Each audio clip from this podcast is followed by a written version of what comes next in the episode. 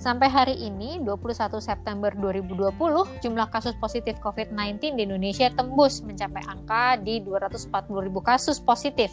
Dan gue masih nggak paham kenapa sejumlah orang masih memaksakan diri untuk menambah runyam suasana dengan menebar hoax, nggak tertib protokol kesehatan, sampai nggak bisa nahan diri untuk kumpul dan bersukaria seolah-olah kalau nggak kumpul-kumpul nih adalah akhir dunia. Why people? Why? Gemes ya. Yoi. Sama. Semula tuh ya gue masih mencoba memahami kesempatan untuk kerja, beraktivitas di rumah aja tuh adalah privilege yang memang nggak dimiliki rata sama semua orang, Bo. Kan -hmm. mau nggak mau kan ada frontliner kan yang memang harus yeah. kerja untuk Betul. ya macam-macam untuk jamin kesehatan hmm. masyarakat, ketersediaan hmm. logistik, penyediaan transportasi, sampai hmm. keamanan lah gitu. Nah tapi sejak PSBB tahap satu selesai, kok gue ngerasa semuanya jadi kendor nih, Bo. Gue menyaksikan sendiri nih dengan mata kepala gue di IG story. Lo tau dong gue kan pengamat IG story ya. Iya pemirsa IG story ya. Pemirsa setia IG story ya. Beberapa teman-teman gue yang walaupun statusnya masih work from home tapi ternyata nggak bisa bawa namanya nongkrong from home. Iya benar benar benar. Terus ya, terus? kan? Ya udah ya tapi ya siapalah ya gue menghakimi gitu mm -hmm. cuma menurut gue kok kayaknya nggak sensitif deh lihat orang bisa nih ya leyeh-leyeh teriak bosen di rumah gitu mm -hmm. terus kayak ah gue kelayapan ah gitu mm -hmm. sementara tenaga kesehatan di luar sana mungkin dalam hati juga teriak bosen tapi yeah. ya iya. bosennya ya bosen bosen kerja nonstop bosen mm -hmm. pakai baju yang oh, oh. apa berlapis-lapis gitu dan mereka juga mungkin kepingin juga gitu ngerebahan lah kayak orang-orang Iya, nah, belum lagi sama ketemu keluarga ya Jess ya pasti. Kan? Bener. Hmm, uh -uh jadi gue tuh mikir kenapa sih lu harus keluar-keluar yang nirmanfaat gitu kenapa uh sih lu nggak sensitif sama orang-orang yang berusaha sebaik mungkin menjaga disiplin agar masa-masa kayak gini cepat berakhir nih iya nah emang kalau bicara soal mengapa atau why ini menurut gue tuh hmm. penting untuk dibahas ya karena implikasinya itu bisa ke mana-mana kan hanya Betul. butuh why untuk menemukan apa yang memotivasi seseorang melakukan hal-hal baik atau sebaliknya melakukan hal-hal yang keji. Contoh nih ya, ada si Manny Pacquiao ya bacanya ya. Tahu dong ya petinju sekaligus senator dari Filipina. Jadi dia memutuskan untuk jadi petinju tuh karena dendam sama ayahnya yang membunuh anjingnya dan kemudian makan anjing itu. Jadi Aduh. dia memutuskan ya untuk wah kalau boxing ini adalah tiket buat dia untuk lepas dari ayahnya dan juga uh, lepas dari kemiskinan. Nah, okay, okay. untuk saya yang lain ada J.K. Rowling kan nulis buku Harry Potter dia itu jadi bestseller dunia tuh nggak pernah kebayang tuh dalam pikirannya dia. Menurut dia, Harry Potter tuh dia ciptakan sebagai salah satu cara dia bertahan di masa sukar setelah kematian ibunya. Atau misal dalam edisi dalam negeri ada Agnes Mo. Kenapa sih kayaknya kalau kita ngelihatnya kan uh, ini ngoyo banget sih gitu kerja kerasnya tuh luar biasa banget sih buat gue internasional. Apa sih yang dia kejar? Kalau menurut dari wawancara yang pernah gue tonton sih dia bilang ya dia cuma pengen nunjukin ke orang-orang yang mungkin yang meremehkan dia gitu ya kalau hmm. bilang ya dia bisa kok ya kenapa enggak gitu kan. Nah why why dari para uh, public figure yang gue sebutin tadi tuh berujungnya tuh dengan lahirnya karya ya kan. Kalau tadi misalnya uh, ngeliat tadi why-nya atau alasan apa pun kita melakukan sesuatu walaupun berangkat dari kondisi yang buruk ternyata bisa punya output yang positif asal why-nya bener ya dan kuat banget. Betul itu keren sih. Jadi mm -hmm. bisa dibilang why itu semacam dinamo gitu ya. Mm-hmm. Nah makanya kenapa sih why itu penting nih? Gue mm. mengutip ya, aku kan ratu kutipan kembali lagi tiga poin dari yang gue baca dari uh, website namanya developgoodhabits.com. Mm. Kenapa why itu penting? Pertama, mm-hmm. why lo punya why, lo uh, akan punya clarity gitu, mm. kejelasan. Jadi lo punya tujuan dan mm. orang yang tujuan punya tujuan hidup itu tidak bisa dihentikan, Bo. Unstoppable. Hmm. Hmm. Jadi mereka bisa membentuk hidup dengan cara yang mereka inginkan. Hmm. Nah, yang kedua, dengan lu punya why, hmm. maka um, lo tuh akan tetap fokus pada tujuan lo gitu. Hmm. Jadi kayak saat gue saat kita udah tahu nih uh, hmm. udah mengidentifikasi tujuan hidup kita, hmm. maka lebih mudah untuk fokus pada hal yang benar-benar penting hmm. dan kita juga akan menghindari tuh segala gangguan yang akan uh, apa menghalangi kita untuk mencapai goal kita. Hmm. Nah, yang ketiga nih kata favorit Kak Ruli banget nih, membantu. ya ketawa, dengarkan. Apa sih apa sih kata-katanya? menjadi resilient. Wow, luar biasa kata itu ya. Pada mana ya apa tuh daya orang lenting ya resilient itu ya. daya lenting, benar. Uh, orang yang memiliki tujuan hidup yang lebih uh, dalam itu lebih baik dalam uh, menemukan makna dalam kesulitan yang mereka alami gitu dibandingin hmm. mereka yang jalan tanpa tujuan gitu ya. Udah deh gue go with the flow deh lihat nanti gitu. Nah jadi begitu uh, apa namanya kita punya why ketika kita dapat kesulitan kita kayak menganalisa kemudian kita oh oke okay, gue harus segera bangkit nih dari kesulitan gitu iya kemudian PR berikutnya adalah hmm? cara nemuin why-nya tuh gimana ya kan Mungkin ini ada juga pertanyaan dari pendengar podcast karena kata kreatif yang tersebar di seluruh dunia. Oh iya, gitu. benar-benar. Oh, ya. Halo, Pak. Oh, iya. Halo Pak Haris, harus Meksiko. ya. Kita punya tahu teman-teman yang di sana ya. Oh iya, uh. Gue pengen bikin disclaimer dulu nih. Menurut uh, Simon Sinek, penulis uh, Find Your Why, pekerjaan kita itu nggak sama dengan why kita. Itu mesti digarisbawahi dulu. Jadi pekerjaan itu bukan why kita ya. Jadi hal itu yang bisa membuat kita sengsara bahkan ketika di mata dunia kita tampak sangat sukses kalau kita misalnya wanya itu sama dengan pekerjaan gitu. Nah ini sebabnya kenapa banyak orang sukses di bidang mereka tuh mengaku kalau mereka itu bukannya happy tapi malah mati-matian berjuang untuk melawan depresi. Oh. mungkin karena mungkin pekerjaannya dia ya bukan bukan bukan apa ya, alasannya ya, dia gitu. Oh, ya, ya, ya, nah, ya pertama why ini kan harus kita bisa tindak lanjuti. Ini mencakup kontribusi yang kita berikan dan dampaknya gimana ya. Syukur-syukur bisa dampak berdampak bagi dunia ya gitu. Dan perlu diingat juga bahwa setiap why dari kita itu unik. Nah, kedua, why itu memberi kita tujuan dan kepuasan dalam hidup. Ini berbeda dengan menemukan kegembiraan atau kebahagiaan yang bersifat sementara. Nah, kita akan senang melakukan hal-hal yang sejalan dengan why kita, bahkan ketika itu tidak memberikan kegembiraan atau kebahagiaan sekarang. Misalnya nih, kita mungkin uh, puas saat melihat proyek klien yang kita bantu pembuatannya, padahal ketika mengerjakannya tuh, waduh, kesel banget deh dengan semua permintaan Gedek tambahan ya. dan minta revisi, never ending revision kan istilahnya kalau kita gitu ya.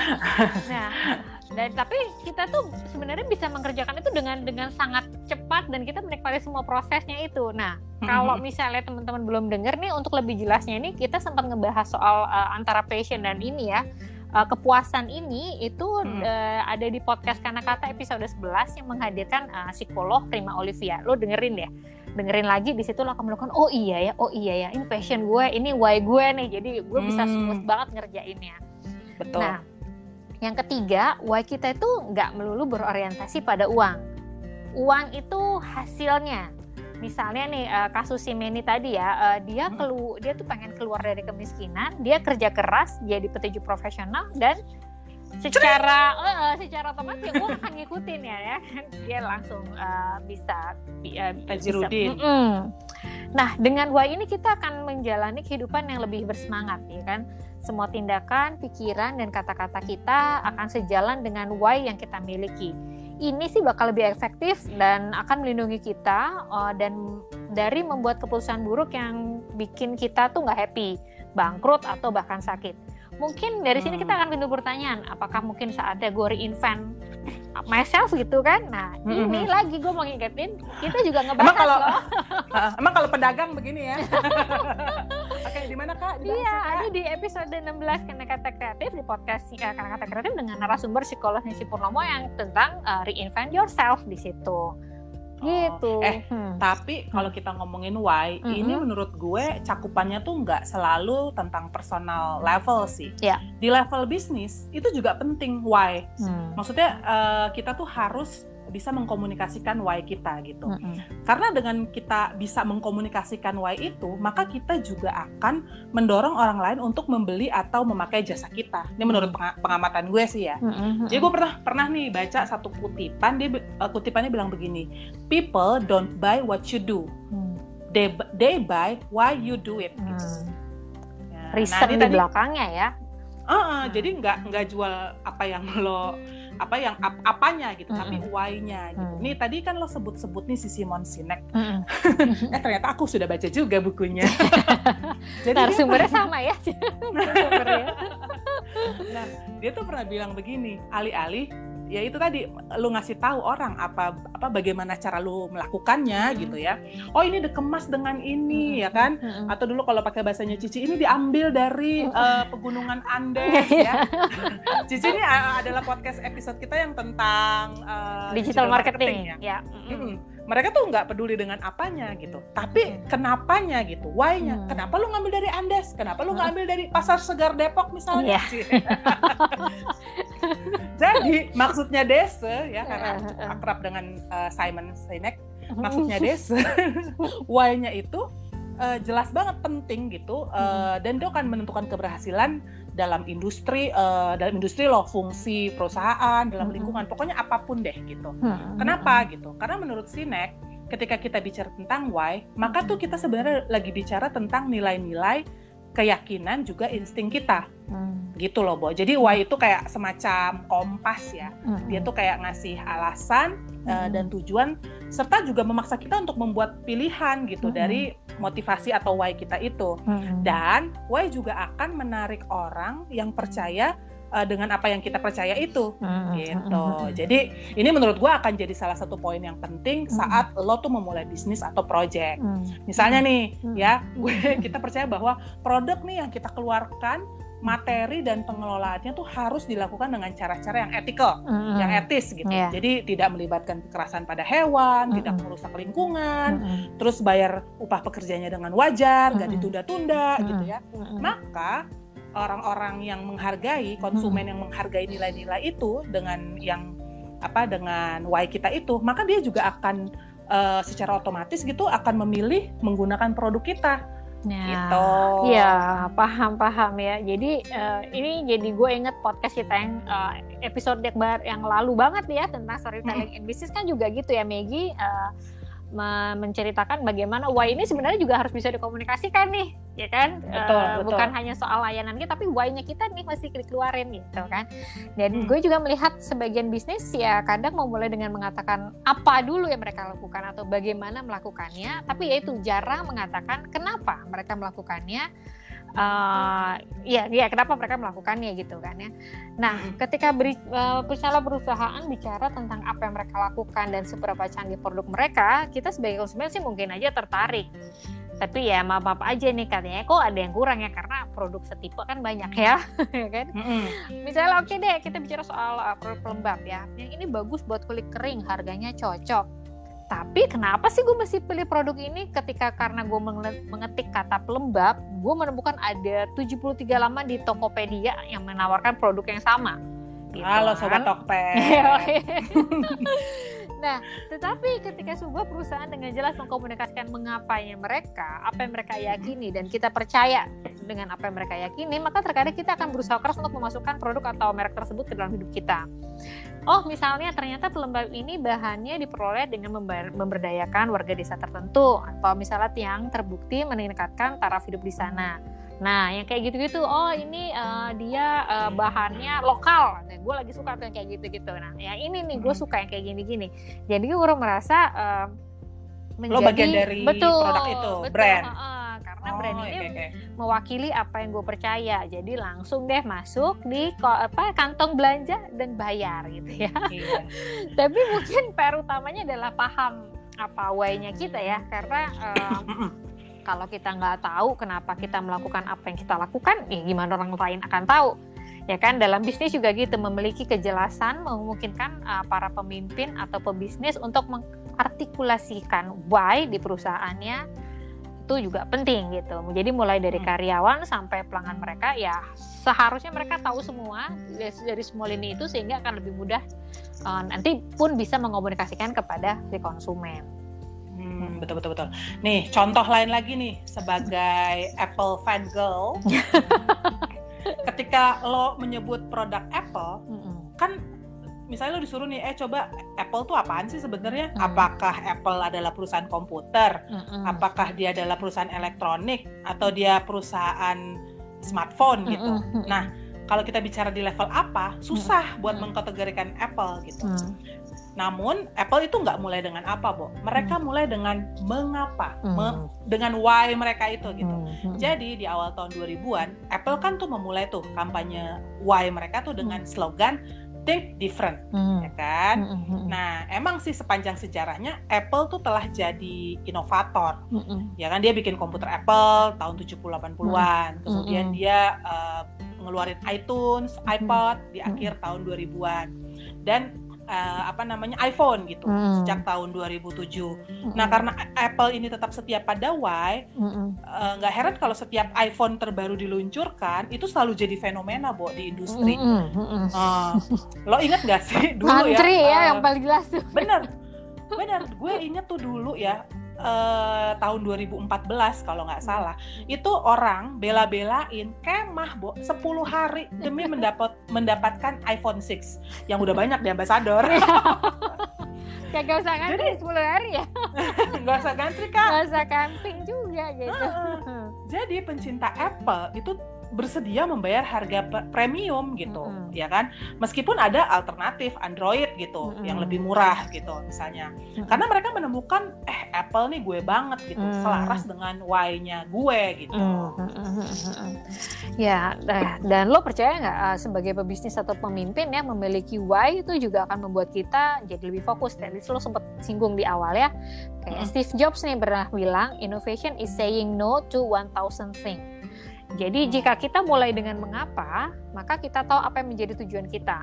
Kita hanya akan melakukan beberapa hal penting yang sesuai dengan tujuan kita. Kita akan dengan mudah mengatakan tidak pada hal yang tidak sesuai dengan uh, why-nya kita. Hmm. Nah, dengan tahu why, kita juga jadi tahu untuk bisa mengukur motivasi kita nih, atau uh, remeto motivasi. Motivasi remote lapar nih kayaknya kakak ini dengan ingat satu kalimat kunci dari coach bisnis uh, John Dilem remember why you started it. Nah gue juga udah jadi ingat kalau ini sih lebih kayak pengalaman um, uh, misalnya pribadi nih ya, uh, gue lagi mulai yoga lagi, mulai rajin lagi uh, sekitar 2-3 bulan terakhir ini deh. Karena awalnya tuh why gue tuh simple banget. Gue kalau bangun pagi tuh selalu pinggang gue tuh pegel, pinggang punggung gue pegel. Oh, oh mungkin oh, usia ya, usia. Oh my god. Jadi mungkin juga prediksi gue karena gue kelamaan duduk terus nih kan, duduk terus deh. Jadi itu kan. Nah, uh, dan ini sebenarnya yoga ini kan kayak kembali ke cinta lama gue lah. Jadi gue meninggalkan yoga itu juga udah cukup lama gitu. Karena gue alasannya gue sibuk gue nggak punya waktu ke studio yoga ya gue nggak mau lah menghabiskan waktu berapa jam untuk eh, ke tempat studio yoga terus balik lagi kayak udah nggak dapet manfaatnya nah sekarang kan dengan beraktivitas semuanya di rumah uh, gue jadi nggak punya alasan gitu loh untuk tidak melakukan yoga. Ada mat di depan situ dan untuk kegiatannya uh, ya gue tinggal ngeliat di YouTube aja. Gue pilih kelas yang beginnernya ya kan? Jadi gue nggak juga nggak akan ceroboh juga nggak ambil ya. Nggak ambil saya kelas teacher. Iya langsung ambil gitu kan enggak. Dan untungnya kalau menurut kalau gue personally ya gue tuh suka yoga itu karena ini kan uh, olahraga apa ya atau aktivitas yang harus mengenal tubuh lo sendiri. Jadi lo nggak mesti harus bisa apa namanya uh, headstand gitu ya. Kalau emang lo bisa ya nggak apa-apa. Lo bisa melakukan gerakan-gerakan lain yang memiliki manfaat yang sama gitu dari situ. Dan yang penting sih kalau gue memang berasa banget tuh badan gue tuh jadi lebih kuat jadi lebih kuat, lebih stabil gitu ya. Uh, pas pertama kali gue beryoga lagi tuh, yes, gue tuh limbung banget. Terus berasa hmm. ini kok gue nggak ada powernya sama sekali gitu. Nah, ya udah dari situ tuh kemudian ya uh, gue kuatin lagi pokoknya harus lebih rutin lebih rutin dan gue udah merasakan manfaatnya. Gue kalau sekarang bangun tidur udah nggak pegel-pegel lagi.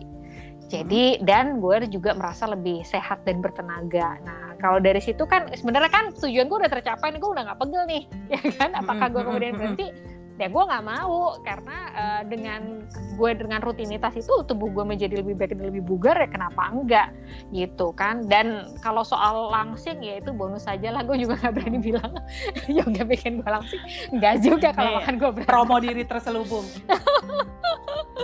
Jadi lo mau bilang lo udah langsing sekarang masih berantakan jadi kalau misalnya gue udah mau ya itu kan gue kemudian mulai menjadwalkan diri gue untuk lebih teratur kan jadi kalau bis itu gue harus yoga. Jadi uh, dengan begitu uh, gue pun kalau misalnya bangun kesiangan ya gue harus tetap menyelipkan jadwal itu dengan yaitu daripada gue pegel-pegel pinggang gue bawa pagi-pagi bangun tidur gitu udahlah semangat saja lah beryoga gitu lo langsung remember why you started it Yo, ya iya.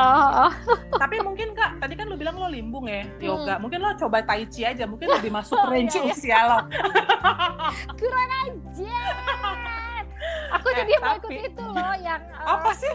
salsa fit gitu loh. Alah sok muda. Udah jangan nanti encok. Oh, gitu ya. Tapi ya intinya kalau why lo tuh jelas hmm. maka semua hal dalam hidup kita tuh harusnya ya mengikuti gitu act hmm. accordingly gitu hmm. eh tapi pantas nih hmm. makanya filsuf Jerman idolaku ya Nietzsche gue baru baca Nietzsche. bukunya nih Nietzsche ya eh Nietzsche tuh ini ya eh nggak penting sih gue cuma bilang kumisnya mirip sama Mas Adam Kayak lebih tipis ya. Gak kan gue bercanda sama temen gue, eh gila ya uh, apa pasti Mas Adam adalah seorang Nietzschean terus dia nggak ngerti. Terus gue baru inget oh ya dia uh, generasi di bawah gue ya jadi kita Adam yang mana beda. gitu ya? Oh, kesel deh mau ngejok tapi beda generasi gitu. Eh balik lagi ke Nietzsche. Yeah. tadi Nietzsche bilang Nietzsche tuh bilang begini uh, he who has a why can endure anyhow. Wow. Jadi keren amat. Ya keren kan? Oh, Jadi oh. mengetahui why lo adalah langkah pertama yang penting mm-hmm. dalam mencari tahu cara mencapai tujuan gitu. Mm-hmm. Uh, apa dan menciptakan kehidupan yang yang ingin kita nikmati gitu. Mm-hmm. Dan bukannya sekedar bertahan hidup. Mm-hmm. Gitu. Jadi lo kayaknya lo apa pun ininya ya hantamannya lo bisa uh, bertahan gitu. Iya. mau kata mata lu sepet bangun pagi ya harus olahraga gitu. Tapi ingat kita kan mau happy ya kan, Yo, sehat di usia 50 and beyond walaupun gue masih lama ya. Itu akan bikin kita kira jadi kayak lu gitu ya. Wah, udah deh gue ngantuk-ngantuk gue narik yoga mat terus langsung pose nyembah matahari gitu ya atau uh, misalnya kita bicara soal bisnis gitu ya uh, dalam kasus kita nih kan uh, walaupun kita diterpa badai deadline dan revisi dan apa pun yang terjadi rain or shine episode terbaru podcast itu kan harus hadir setiap hari Senin. Ya kan nah mungkin ada kan yang nanya kenapa sih lo kok bela-belain banget sih uh, Jessica dan Ruli ini? Susah-susah banget bikin uh, podcast yang rutin gitu kan. Emang ada duitnya? Orang kan gitu kan tadi balik lagi tuh ada pertanyaan tadi gitu kan. Uh, kita ketika bicara soal why itu kita nggak perlu uh, ngejar soal duit loh. Nah ini nih juga menjadi kayak refleksi juga buat uh, uh, buat kata gitu ya. Uh, why-nya kata itu kenapa sih kita pengen bikin podcast gitu? Karena kalau dilihat sih uh, gue sama Jesse ini tuh sebenarnya awalnya tuh bener-bener pengen berbagi pemikiran dan kegelisahan kita berdua ya Jess ya uh, dengan cara yang bertanggung jawab. Kegelisahannya tuh apa sih? Jadi salah satunya kalau dari dari gue sendiri tuh adalah banyaknya konten creator yang ngawur saat membuat konten. Sehingga buat kita tuh kayaknya isinya tuh kok uh, unfaidah ya kayaknya jadi, sampah aja gitu dan nggak membawa kebaikan tidak memberikan keuntungan untuk perkembangan sosial intelektual ataupun untuk pribadi gitu kan. Dan gue sih selalu berharap kan ketika lo punya media dan pengikut seharusnya lo bisa spread the good thing. Ada sisi edukasinya sesuatu yang uh, berarti dan berharga bikin dunia lebih baik kan tentu lebih menyenangkan ya daripada bikin dunia hmm. rusuh gitu kan. Betul. Nah ini kemudian ini sih memang menjadi kayak rambu-rambu juga buat uh, uh, gue dan Jessica dalam kata kreatif untuk berkomitmen harus deliver konten yang bertanggung jawab dan tentu masih bisa dikritisi ya kan. Makanya Betul. kita itu selalu mempersiapkan podcast tuh sebaik mungkin. Jadi mulai dari nih, ya, kalau pengen tahu nih prosesnya kita ngapain aja sih, mulai dari brainstorming tema dulu ya kan? Hmm. kita mau ngomongin apa nih minggu depan gitu. Oh, jeli mengamati fenomena. Fenomen fenomena udah ketemu temanya. Oh riset dulu nih. Dari siapa hmm. narasumber ini ini ini. Dan kemudian kalau kita memang perlu ada narasumber kita harus cari narasumber yang kompeten gitu kan. Betul. udah ketemu semuanya baru kita bikin outline script yang bagus juga sehingga jadi itu ya nggak asal ngomong gitu oke kita ngobrol-ngobrol aja ya gitu gitu kan Karena, durasi durasi. Iya gitu, gitu. Ya uh, hmm. jadi kalau misalnya uh, orang asal ngomong kan cuma kayak selewat terus dia hilang aja kan hilang di udara gitu kan. Betul jadi betul. gue berani bilang sih uh, kalau podcast karena kata itu is not kaleng-kaleng gitu ya. Atau hanya berisi ocehan narsistik belaka gitu. Dan dan gini loh gue akan senang sekali sih uh, Jess kalau misalnya kemudian ada teman-teman yang mungkin punya pandangan berbeda atau mungkin malah sejalan kemudian kita membuka ruang diskusi lebih lanjut gitu kan oh gue yeah, setuju yeah. sama pendapat lo yang kayak gini, gini tapi oh, enggak gue nggak setuju sama lo kayak gini gini gini nah gue ngerasa hmm. sih ruang-ruang diskusi seperti itu tuh belakangan agak kurang ya karena Betul. orang langsung mentah-mentah bilang oh, gue setuju nggak setuju tapi lo nggak bisa kasih tau alasan lo kenapa yeah. gitu lo nggak bisa ngejelasin juga nah jadi kalau nggak hitam putih padahal kan balik lagi ya spektrum warna tuh kan luas banget abu-abu hmm. aja ada kalau lo lihat ya apa namanya tanton ya. iya ya. jadi Oh, oh, jadi lo nggak membuka eh gue jadi inget desain itu belum kelar jadi ini apa sih jadi gak fokus jadi kita tuh adanya podcast ini uh, membuka ruang diskusi ya gitu dan kita juga uh, kepingin menggunakan platform ini dengan bertanggung jawab gitu. Betul. Gitu. karena memang kan mm-hmm. kita kan memang uh, bermain di konten perusahaan mm-hmm. kita kan di konten jadi mm-hmm. kita tuh kayak waktu awal-awal tuh gue sama Ruli tuh pingin eh kita uh, kita harus terus bertumbuh gitu ketika misalnya eh ini ada platform baru gitu. Mm -hmm. oke okay, konten jenis apa sih yang bisa kita bikin? Mm -hmm. gitu jadi nggak orang tuh nggak denger yang iya apa sih ini? Oh, tante-tante dua ngobrol.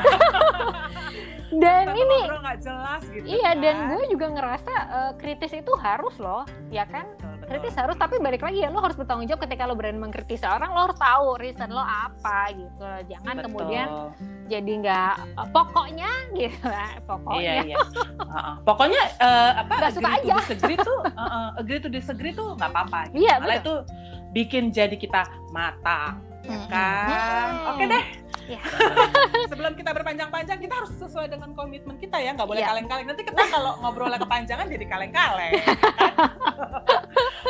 oke okay, terima kasih teman-teman karena kata kreatif yang udah mendengarkan kami hmm. secara rutin terima kasih jadi daripada keluyuran gak jelas ya hmm. atau berkeluh kesah bosan bosan bosan bosan mendingan uh, kita gunakan waktu PSBB kita jilid dua ini hmm. selain untuk kerja gitu hmm. atau yang mengerjakan uh, tugas-tugas kuliah tapi belum kelar. Selamat kakak.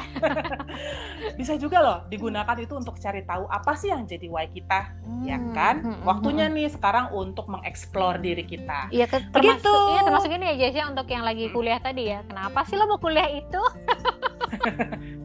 lo nyindir lo nanti nama lo gak gua tulis loh di halaman terima kasih